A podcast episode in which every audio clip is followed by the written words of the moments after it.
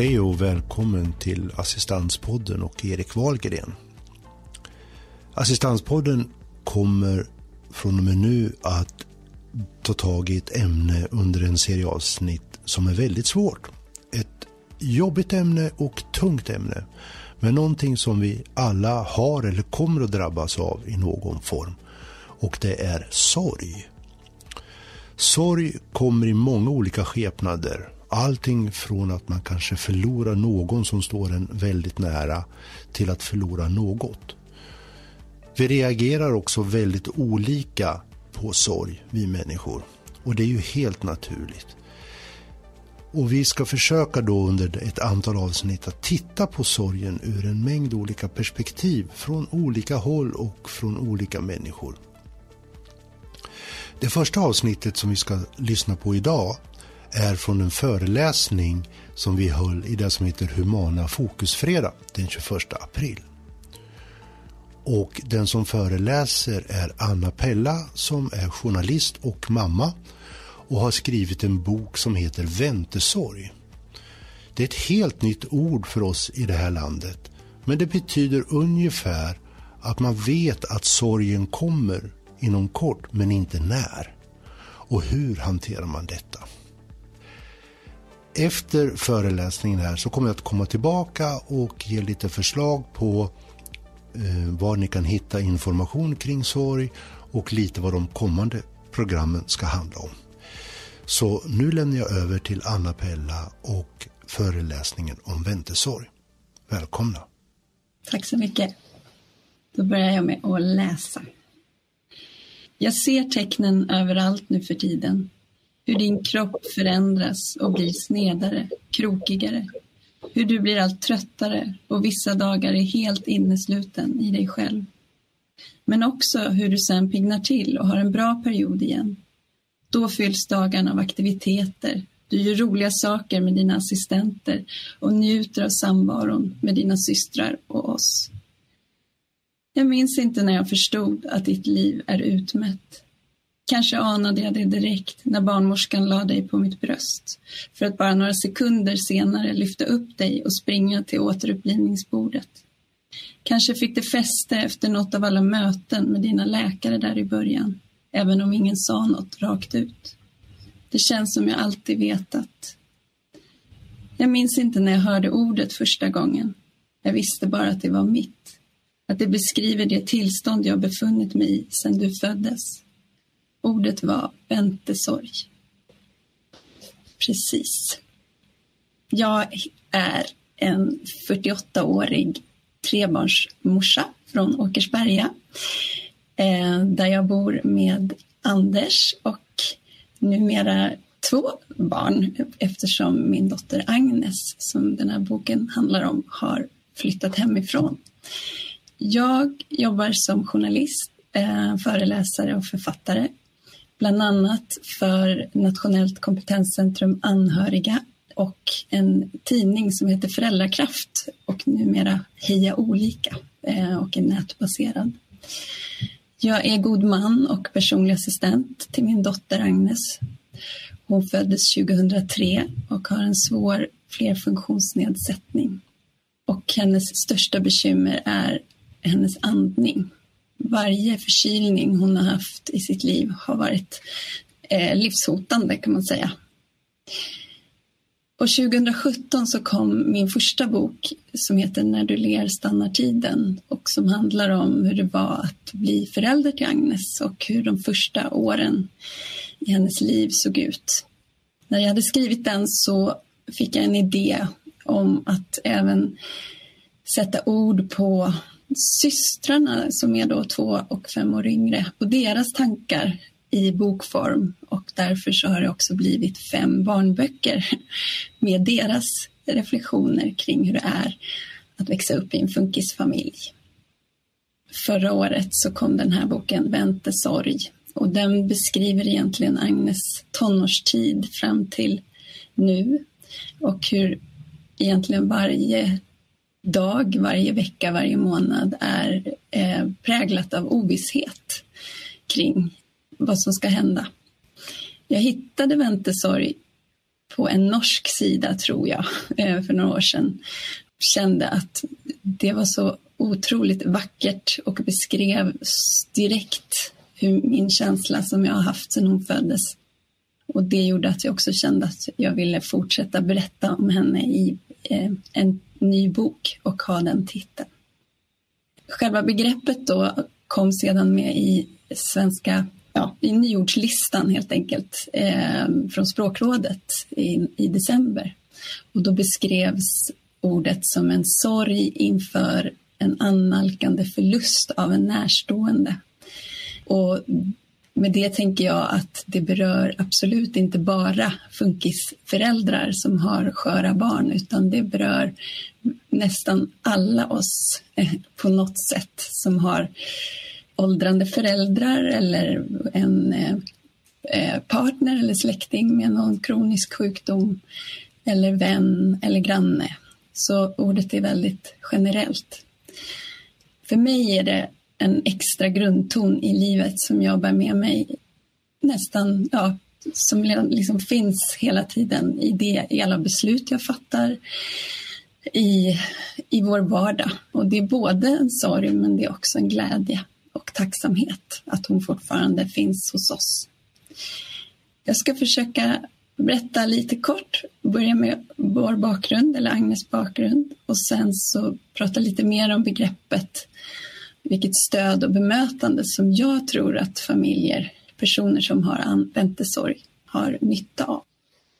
Jag börjar från början. Eh, jag var 25 år och jag drömde om att eh, förverkliga mig själv och resa och jobba kanske utomlands, kanske med bistånd. Jag skulle i alla fall var väldigt flummig och jag skulle eh, spela mycket musik och bo på stränder och sådär tror jag. Så träffade jag Anders och han var väldigt jordnära och eh, en fantastisk människa och han drömde om barn. Vi flyttade ihop och jag blev gravid. Tre år senare så var jag höggravid med Agnes och såg verkligen fram emot att bli mamma. Men tänkte fortfarande att ja, men hon kommer ju hänga med eh, på mina äventyr i livet, precis som jag hade gjort som liten. Eh, jag hade liksom ingen bild riktigt av hur, hur mycket, ja, vad som egentligen skulle krävas. Och det var inte så konstigt heller att det ändå inte hade stämt. För att när Agnes föddes den 8 juni 2003 så hade hon direkt svårt att andas. De sprang iväg med henne och hon hamnade direkt på neonatal IVA, tror jag det heter. Man upptäckte att hon slutade andas med jämna mellanrum. och Man visste inte riktigt varför. Så småningom så dag efter dag där på neonatalen så förstod man att det var någonting eh, fysiskt i hennes, stäm, med hennes stämband. Men också att det var när hon fick till exempel ont i magen och försökte skrika som det blev en, någon form av låsning som gjorde att hon fick en sån här apné, slutade andas, kunde inte själv starta igen utan de fick liksom ge henne inblåsningar då eh, och syrgas.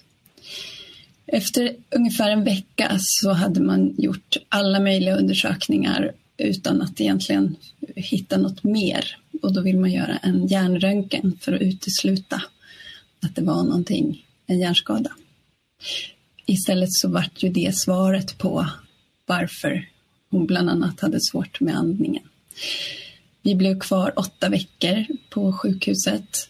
Ungefär efter fem veckor så var det vi själva som frågade om man kunde göra ett hål i halsen, för det hade vi sett på tv. Eh, eftersom det var här som det blev liksom en låsning när hon slutade andas. Då. Så fem veckor gammal fick hon en trakeostomi. Och den hade hon sedan i några år. Och den hjälpte oss så pass att vi kunde åka hem.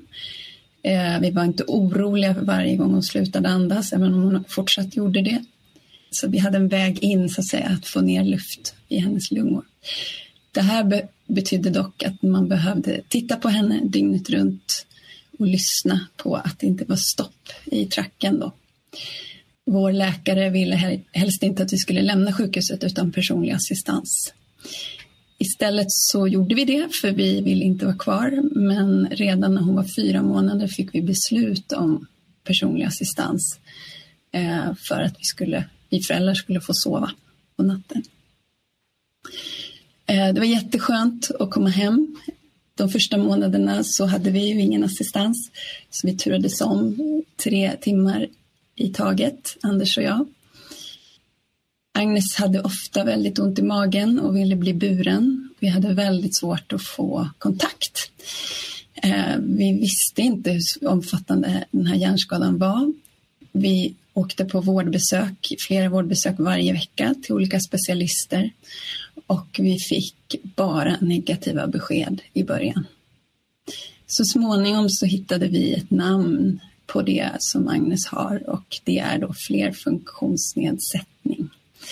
Och det innebär att hon har en grav rörelsenedsättning, en grav intellektuell funktionsnedsättning. Hon har också epilepsi, hon har en grav synnedsättning eller är att betrakta som blind. Hon har sina andningssvårigheter. Hon har en väldigt sparsam kommunikation. Vi tolkar hennes ansiktsuttryck mer eller mindre. Och ibland när hon har bra dagar så kan hon visa eh, vad hon vill lite grann. Min reaktion i början var i, samtidigt som, som jag var, eh, ramlade ner i ett svart hål och funderade över hur hennes liv skulle bli. Som jag har efterhand fått höra att det finns ett begrepp som heter förbjuden sorg. Att man sörjer det barn som man kanske inte fick, som man hade väntat på. Så hade vi också den här att vi varje dag egentligen inte visste om hon skulle överleva. Och vi visste, vi fick inga svar på hur det skulle bli, om det skulle bli bättre, om vad man förväntade sig eller om det fanns någon prognos. Så allt det där gick runt in i mig. Eh, jag försökte prata med Anders en del. Det gjorde vi. Vi pratade mycket. Jag försökte också få varenda läkare att svara på mina frågor. Det var en tuff tid eh, med mycket, mycket tankar. Eh, jag blev väldigt passiv för jag kunde liksom inte se någon framtid framför oss.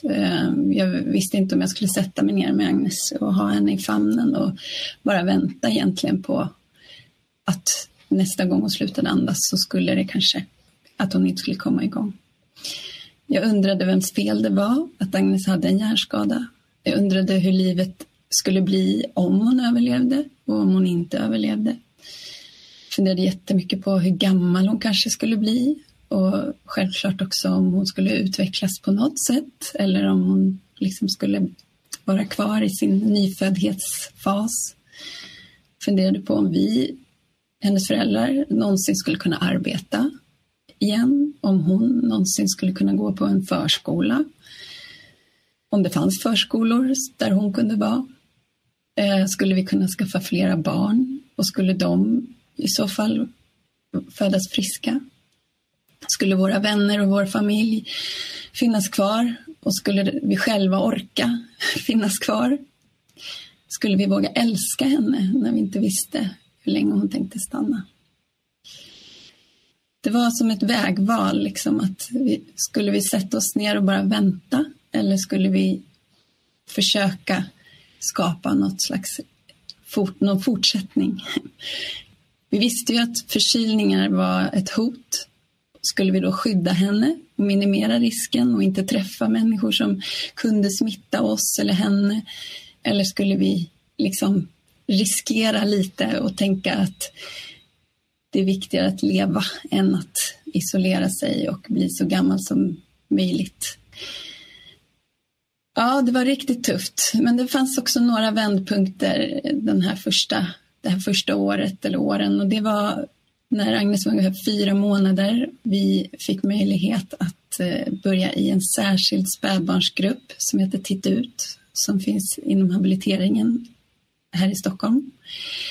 Där vi fick träffa andra i liknande situation som också hade fått barn ungefär samtidigt som oss. Att veta att det fanns andra som var uppe på nätterna, att det fanns andra som kämpade med samma motstridiga känslor. Eh, det gjorde att man kände sig mindre ensam och att man faktiskt vågade sig ut mer i liksom verkligheten eller i det, det andra som, som fortfarande pågick, konstigt nog.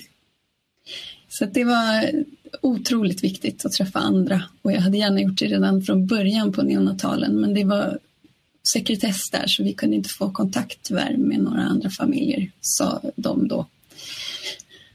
När Agnes var fem månader och vi fortfarande kämpade med att inte få kontakt så gungade vi henne i famnen, eller Anders gjorde det. Och helt plötsligt så såg vi hur hennes mun drogs upp i ett leende. Fast vi visste inte om det var ett leende. Vi tänkte det är nog en epilepsikramp. Vi vågade liksom inte hoppas. Men så gungade han henne igen och då gjorde hon samma sak. Och det där leendet, det har vi levt på sedan dess.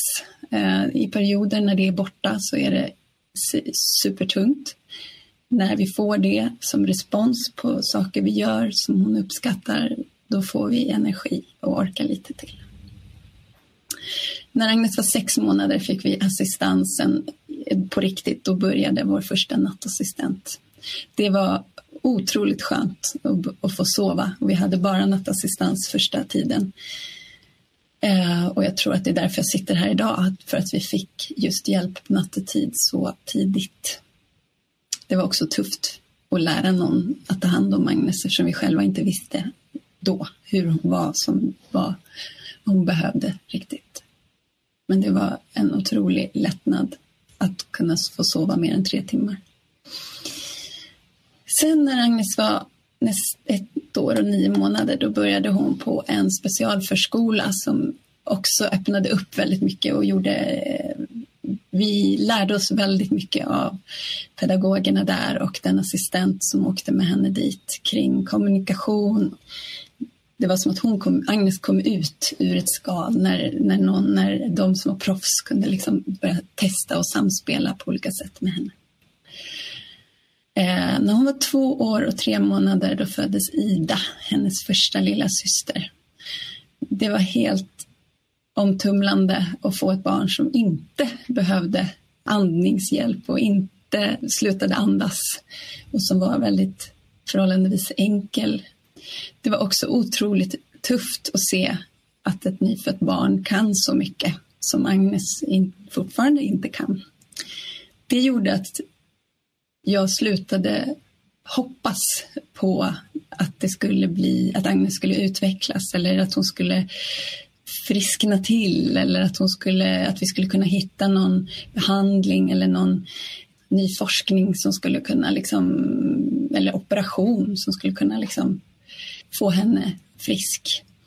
Eh, så på något sätt så gav jag upp eller kapitulerade eller accepterade eller förlikade mig där med att Agnes var Agnes och att jag skulle sluta kämpa för eller önska att hon var på ett annat sätt.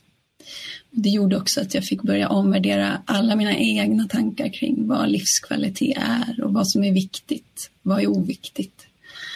Det som jag kanske själv hade tänkt det här med att liksom prestera eller självförverkliga mig försvann ju där eh, och istället så blev det ju att vi fick vara tillsammans och att vi faktiskt andas och att vi inte har ont.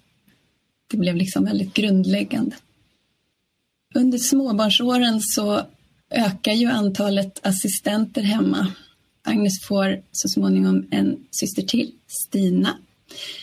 Och eh, det gör att vi är helt enkelt underbemannade, hennes, Anders och jag. Eh, vi får dubbel assistans till och med en period. När Agnes fortfarande har sin track kvar så tror jag vi har det nästan dygnet runt. Jag minns inte riktigt. Ja, livet är otroligt fullt av, men också härligt. Korthuset med assistansen är ju ganska skört. Eh, när assistenterna blir sjuka så måste ju vi hoppa in och eftersom hon måste, måste vara vaken med henne på natten så blir det svårt. Vi försöker jobba båda två med våra ordinarie jobb. Det, I perioder går det inte alls. Eh, så småningom så tas i alla fall tracken bort eh, för att det blir stabilt här i, i strupen på Agnes. Eh, men istället så behöver hon en baklofenpump som hon opererar in för att hon är så spänd och spastisk i kroppen. Men vi ser ändå att vi tycker hon börjar må liksom bättre på många sätt och vi har ju börjat lära oss att tolka henne och hon är väldigt, börjar bli väldigt tydlig också vad hon gillar och inte gillar. Hon gillar Gröna Lund och hon gillar att bada och hon gillar musik. Hon gillar taktila saker, att känna på saker, uppfatta saker. När tracken är borta så blir det svårare för oss att kontrollera hennes lung, hur hon mår i lungorna. Så hon får lunginflammationer i samband med förkylningar. Tuffare sätt än innan. Hon får en BiPAP som är en ventilator som hon ska ha när hon sover eller när hon är förkyld. Vi får hem syrgas, vi får hem saturationsmätare för att mäta hennes syresättning. Så småningom får hon en hostmaskin för att hjälpa henne upp, få bort slem så att inte det ska gro. Eh, vi anställer och rekryterar assistenter känns det som varenda vecka för att det slutar alltid någon eller någon blir gravid eller någon... Ja, det händer grejer helt enkelt. Vi börjar bli väldigt slitna. När Agnes är sju år så får hon därför en deltidsplats på ett boende i en grannkommun. För vi kämpar så och får inte ihop det här. Så fort hon får den här platsen så kommer mina utmattningssymptom bara som en smäll så här. I ett par månaders tid så blir jag nästan sittande i vår soffa hemma och bara stirrar innan jag får tillbaka lite energi. Jag tror i efterhand att jag slappnade av när vi fick den här platsen på boendet. Att det var därför jag tillät så att säga, kroppen att reagera. Att jag hade haft en anspänning så länge. Så småningom så kommer vi in i tonåren och då har Agnes... Alltså vi har ju haft... Vi tycker ändå att vi har fått ihop det här livet. Eh, även om vi har assistenter som hela tiden håller på med att få, få till assistansen. Men i tonåren så börjar också någon slags kroppslig försämring hos Agnes. Hon har en skolios som hon behöver steloperera. Hon får problem med sköldkörteln. Hon är benskör, eh, visar det sig, för att hon belastar inte. Hon får också en bakterie i lungorna som inte, vill, eh, som inte går att få bort med antibiotika, eh, som är koloniserad där, som heter pseudomonas som gör att hon egentligen är rosslig hela tiden och att man måste jobba med andningen förebyggande eh, flera gånger om dagen för att det inte ska gro och bli lunginflammation. Hennes dagsform är också väldigt upp och ner. Hon har problem med koldioxidvärden som eh, när man andas ut så ska man ju andas ut, ur sig eh, koldioxiden och hon får inte riktigt till det där. Så vi har väldigt mycket aktiviteter. Så vi är hemma mycket för att det blir liksom för komplicerat att åka på stora äventyr. Förutom till Gröna Lund då förstås. Ja, Agnes syskon, Stina och Ida. Ända sedan de kom så har jag ju försökt läsa på om hur det är att vara syskon, och, eller kan vara. Jag har förstått att det är vanligt med, ja det finns risk för ohälsa, psykisk ohälsa. Och jag förstår det eftersom tiden, orken sällan räcker. Ehm, jag känner att jag som förälder, att, eller att det är väldigt svårt att eh, balansera föräldraskapet när man har ett barn med enorma livsuppehållande behov. Agnes behov går förstås all, har förstås alltid behövt gå före eftersom hon kan sluta andas. Och det har påverkat syskonen, det är jag helt säker på. Eh, det har också påverkat oss att vi liksom har jämfört Agnes problem med deras problem eller med våra problem. Och i efterhand så vet jag ju att det, det, kan man inte göra. Hur ska man kunna jämföra sig med, med Agnes? För hon är, ju, hon är ju värst. Och i så fall blir ju inget annat Eh, alltså allt annat blir ju futtigt på något sätt. Så det är någonting som jag har känt att jag har behövt jobba lite med. Och tänka att ja, men en, en, ett skrubbsår kan också vara riktigt jäkla hemskt och jobbigt. Eller en kompis som har sagt något dumt. Eller, ja. Eh, men jag saknade väldigt mycket att läsa tillsammans om, alltså få igenkänning via böcker när de var små och eh, därför var det så otroligt kul när jag väl fick chansen att börja skriva just eh, om deras tankar om hur det är att växa upp i vår familj. En sak som vi inte har pratat om eh, tillsammans med syskonen, det är framtiden. Och det vet jag att många andra funkisfamiljer gör. Eller jag vet att många syskon i hemlighet kanske planerar för eh, framtiden när föräldrarna inte längre kommer finnas kvar. Eller orka hjälpa systern eller brodern som har en funktionsnedsättning. I vårt fall så har ju vi liksom tänkt att Agnes kommer inte finnas då. Eh, och jag tror att systrarna också har tänkt så. Så den frågan har liksom inte känts aktuell att ta upp i vår familj. Och samtidigt så vet vi inte. Hon har fyllt 19. Hon är 19 och ett halvt. Mår just nu ganska bra.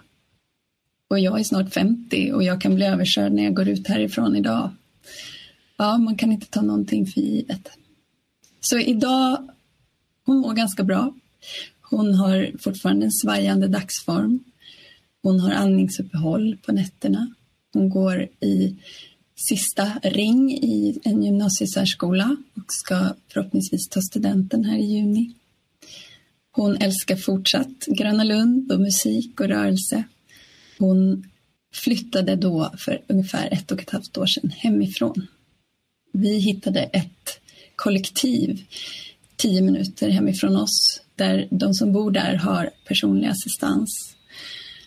Det började med att det här boendet, eller kortis som vi har haft, hade 18-årsgräns och vi visste inte hur vi skulle, hur vi skulle göra helt enkelt.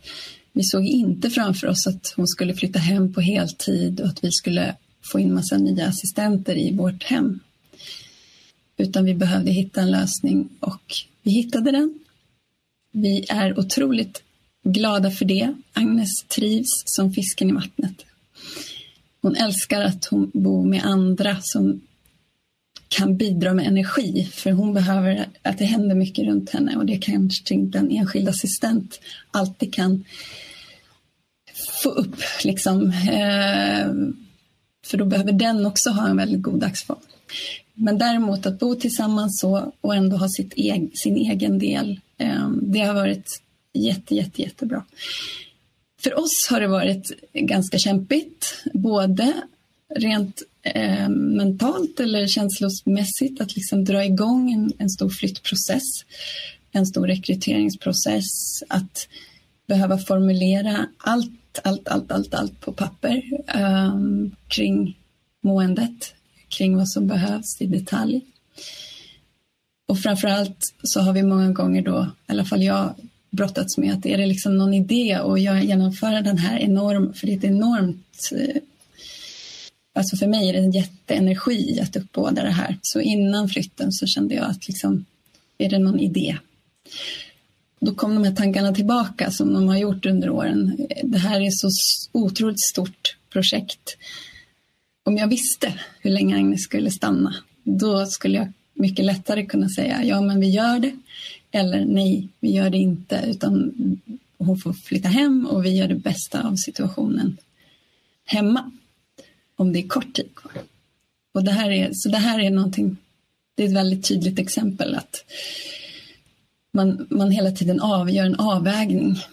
Vi är gode män och vi har också varit arbetsledare till alldeles nyligen då för assistenterna och idag tror jag att vi har 14 eller 15 assistenter några som då är bara timvikarier, men det är ändå ett stort gäng. Vi är fortsatt alltid backup om ingen kan komma. Eh, ja, vi vet ju inte då om Agnes har en vecka eller en månad eller ett år eller ett par år kvar. När jag försökte fråga alla läkare där i början så träffade vi en som sa att barn som Agnes sällan blev äldre än 20 år. Sedan dess, 2003, när jag fick höra det, så har det hänt mycket. Dels så har den medicinsk-tekniska utvecklingen, eh, den har ju liksom boomat kan man säga. Vi har ju apparater hemma som man inte kunde ta med sig från sjukhuset då. Och sen tack vare att hon fick personlig assistans tidigt och kunde växa upp till största delen hemma. det tror jag också har bidragit. Det finns också ett begrepp som heter ny överlevare och det är precis det Agnes är. Hon är en ny överlevare. Och om några månader så ska hon ju då förhoppningsvis faktiskt fylla 20 och överbevisa den här läkaren. Då. Och samtidigt så tänker jag att jag har aldrig tänkt att hon ska överleva mig. Och jag vet inte om jag står ut med den tanken heller. För jag vet inte om hon klarar det. Det gör hon förmodligen, men som väldigt kontroll, med stora kontrollbehov så tänker jag att hon inte skulle klara sig då. Nu ska jag läsa. Du var inte så gammal när jag började planera din begravning. Jag minns att jag tänkte att jag skulle skriva ett brev till en av mina favoritartister. Fråga om han kunde tänka sig att komma och framföra en, en av sina vackraste kärleksballader. Jag funderade mycket på vilka vi skulle bjuda och var vi skulle begrava dig. Jag tänkte också mycket på själva dödsögonblicket och att jag ville att det skulle ske här hemma, i lugn och ro. Men hur skulle vi leva fram till dess? Skulle vi stänga in oss och bara vänta på det oundvikliga? Eller fanns det något sätt att fortsätta leva livet, men på nya premisser? Kunde det gå att leva med sorgen och glädjen parallellt? Vi stod vid en vägkorsning. På skylten som pekade åt ena hållet stod Vänta på döden. På den andra stod Ta vara på livet medan det pågår. Vi valde den andra, men har aktivt behövt välja den vägen om och om igen då vi emellanåt halkat över på den första stigen. Ändå har det funnits stunder när sorgen varit så fysisk att jag längtat till sedan. Vad kommer jag då använda mina händer till? De som vårdat, smekt, vaggat och burit.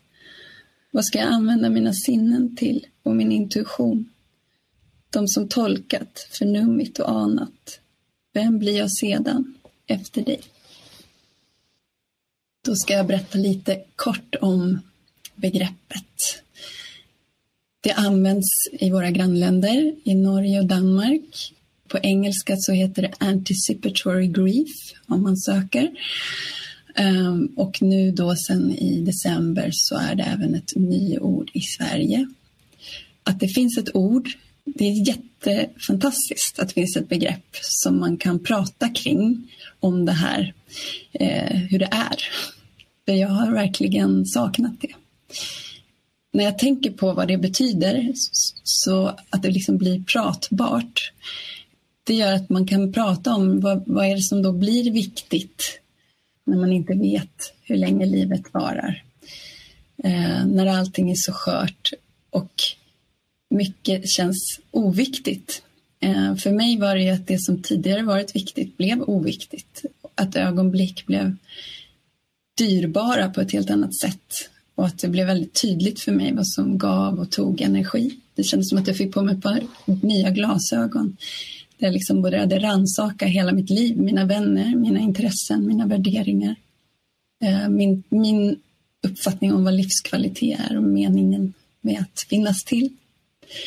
Jag tycker också att väntesorg väcker frågan hur, hur ska jag förhålla mig till den här ovissheten som jag varit inne på redan. Att ska jag väl liksom vänta eller ska, jag fortsätta, ska vi fortsätta?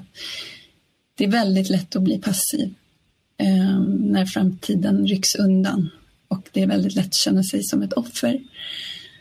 Och det är väldigt svårt att försöka ta rodret och börja liksom forma det här nya livet och acceptera det och inte liksom sörja allt som man inte kan eller som man, som man, eh, de drömmar som kanske inte längre blir möjliga. För mig har det också varit det här att det har varit liksom parallellt sorg men också väldigt mycket tacksamhet. Sen då, men när Agnes blir sjuk eller förkyld, då, kommer liksom, då kastas jag alltid tillbaka i hur blir det, hur ska det bli nu, är det nu liksom det ska ske? Och jag skannar av minutiöst hur hon mår. Det är nästan omöjligt att liksom vara eh, accepterande i de situationerna. Däremot så märker jag att vi får, beroende på vilket stöd och bemötande vi får, så kan jag ta mig igenom de här processerna bättre eller sämre. Vi har ett otroligt stödsystem i Sverige för våra, i alla fall personer med funktionsnedsättning. Men eh, det finns ingen som samordnar. Och i en familj där ett barn har en svår funktionsnedsättning så hamnar ju det här på föräldrarna. Det finns otroligt mycket stöd, eh, men samordningen brister. Jag tror att familjer som vi behöver yrkesverksamma som har en förförståelse för vår situation.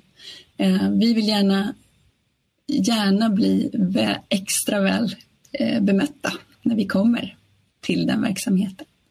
Vi vill heller inte bli runtbollade. Det har vi blivit så många gånger. Så vi vill jättegärna att man, om man ska hänvisa oss någonstans vidare, att man faktiskt krokar i som en massör gör när den lägger handen på ena sidan kroppen och sen går runt och låter den handen ligga kvar innan nästa hand eh, har gått lagts på. Så tänker jag med alla kontakter vi har att släpp oss inte utan försäkra dig om att nästa har tagit vid. Vi har fått kontakt och sådär istället för att bara hänvisa oss.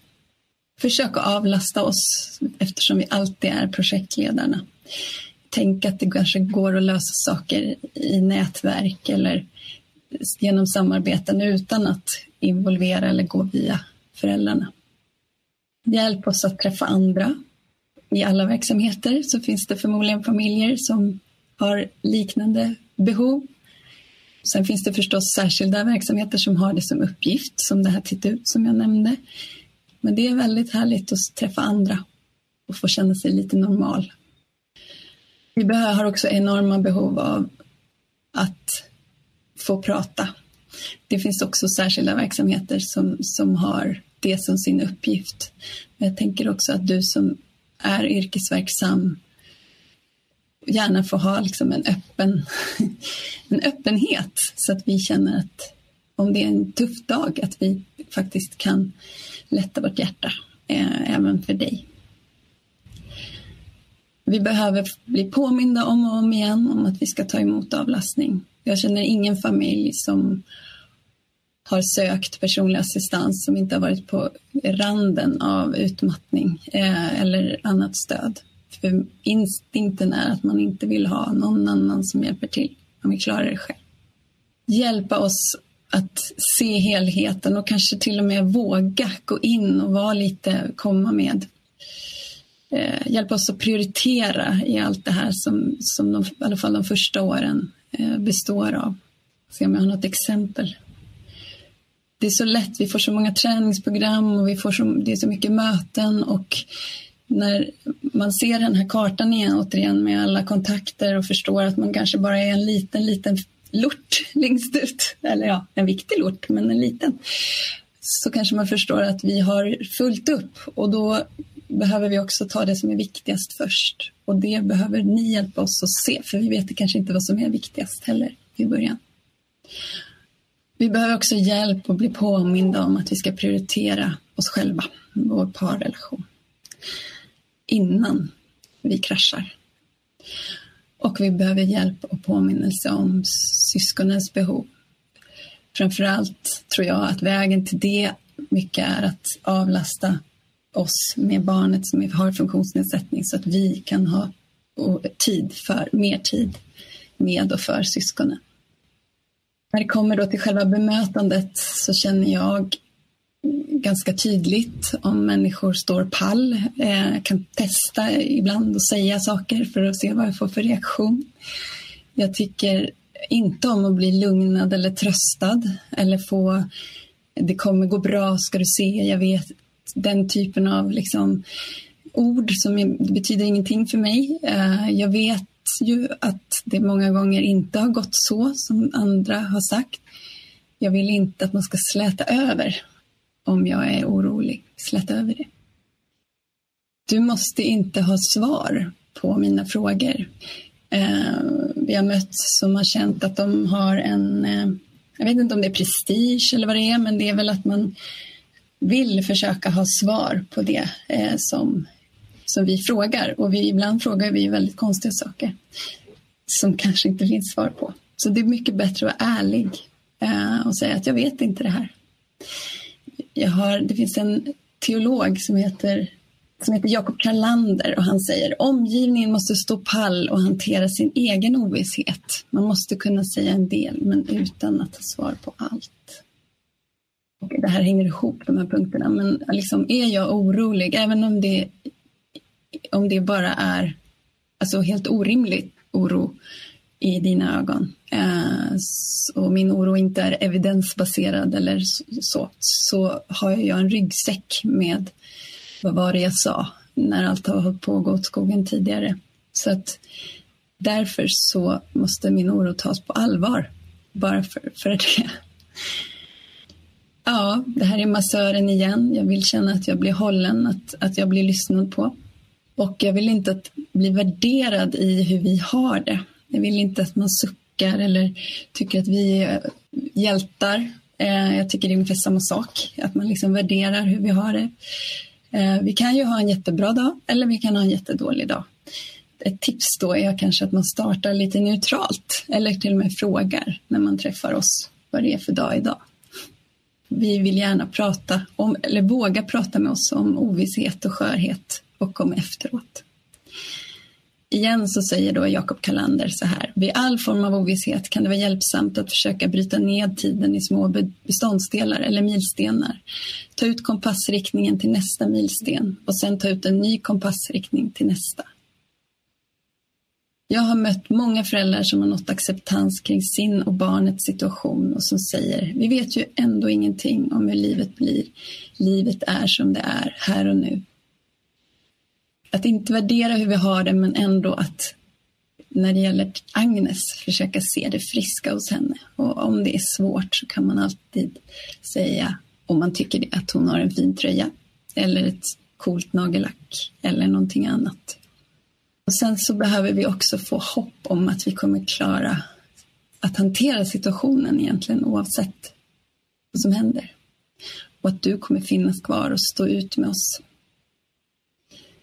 det sista tipset är att försöka visa mig att det skulle kunna vara du som går i mina skor. Ska jag läsa. Till sist. När du kom tappade jag fotfästet en stund. Jag blev rädd för dig, för mig, för världen. Sen visade du mig en ny stig att sätta fotsulorna mot. Huden var ovan.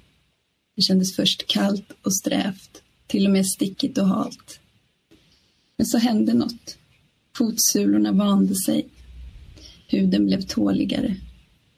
Och längs den nya stigen fanns blommor, insekter, fåglar, lika sällsynta som du. Jag såg att de var lyckliga. Jag såg att du var lycklig. Det räckte för mig. Men moln tornade upp sig på himlen och ändrade emellanåt färg. De blev mörka och hotfulla och varslade om stormväder.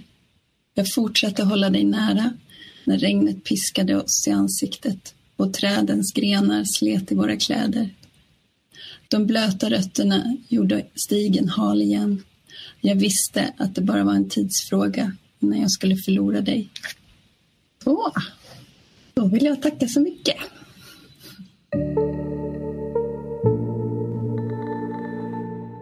Här lämnar vi Anna Pella och föreläsningen om väntesorg. Det är så otroligt viktigt att det finns människor som kan både sätta ord och text på det som är jobbigt och svårt. Och göra det på ett sådant sätt så att vi andra kan ta till oss och förstå. Det är så vi växer och det är så vi själva kommer vidare. Under nästa avsnitt av Assistanspodden så ska vi samtala om just det här. När det är svårt, när man kanske fastnar i sin sorg och inte går vidare. Och det gör vi med en man som heter Jeffrey Norén och är psykoterapeut. Och han kommer att ge oss väldigt mycket goda råd om hur man kan bearbeta sin sorg och komma vidare. Och även hur vi människor runt omkring kan bidra. Vi pratade också om innan den här föreläsningen att jag skulle ge lite tips om länkar var man kan vända sig om man behöver hjälp och stöd. Förutom 1177 och den vården som finns omkring det via vårdcentralen så finns ett antal organisationer som jobbar just med sådana här frågor. Det är bland annat Svenska kyrkan, du har Röda Korset, det finns någonting som heter jourhavande medmänniska och även en organisation som heter Vimil eller vimil.se där människor som själva har drabbats av sorg kan ta hjälp av varandra. Vi kommer att lägga länkar till de här på våra sociala medier. Ni hittar oss ju givetvis alltid som vanligt där poddar finns där ni kan både höra det här och tidigare avsnitt. Och så hoppas jag att vi hörs nästa gång. Ha det så bra. Hej!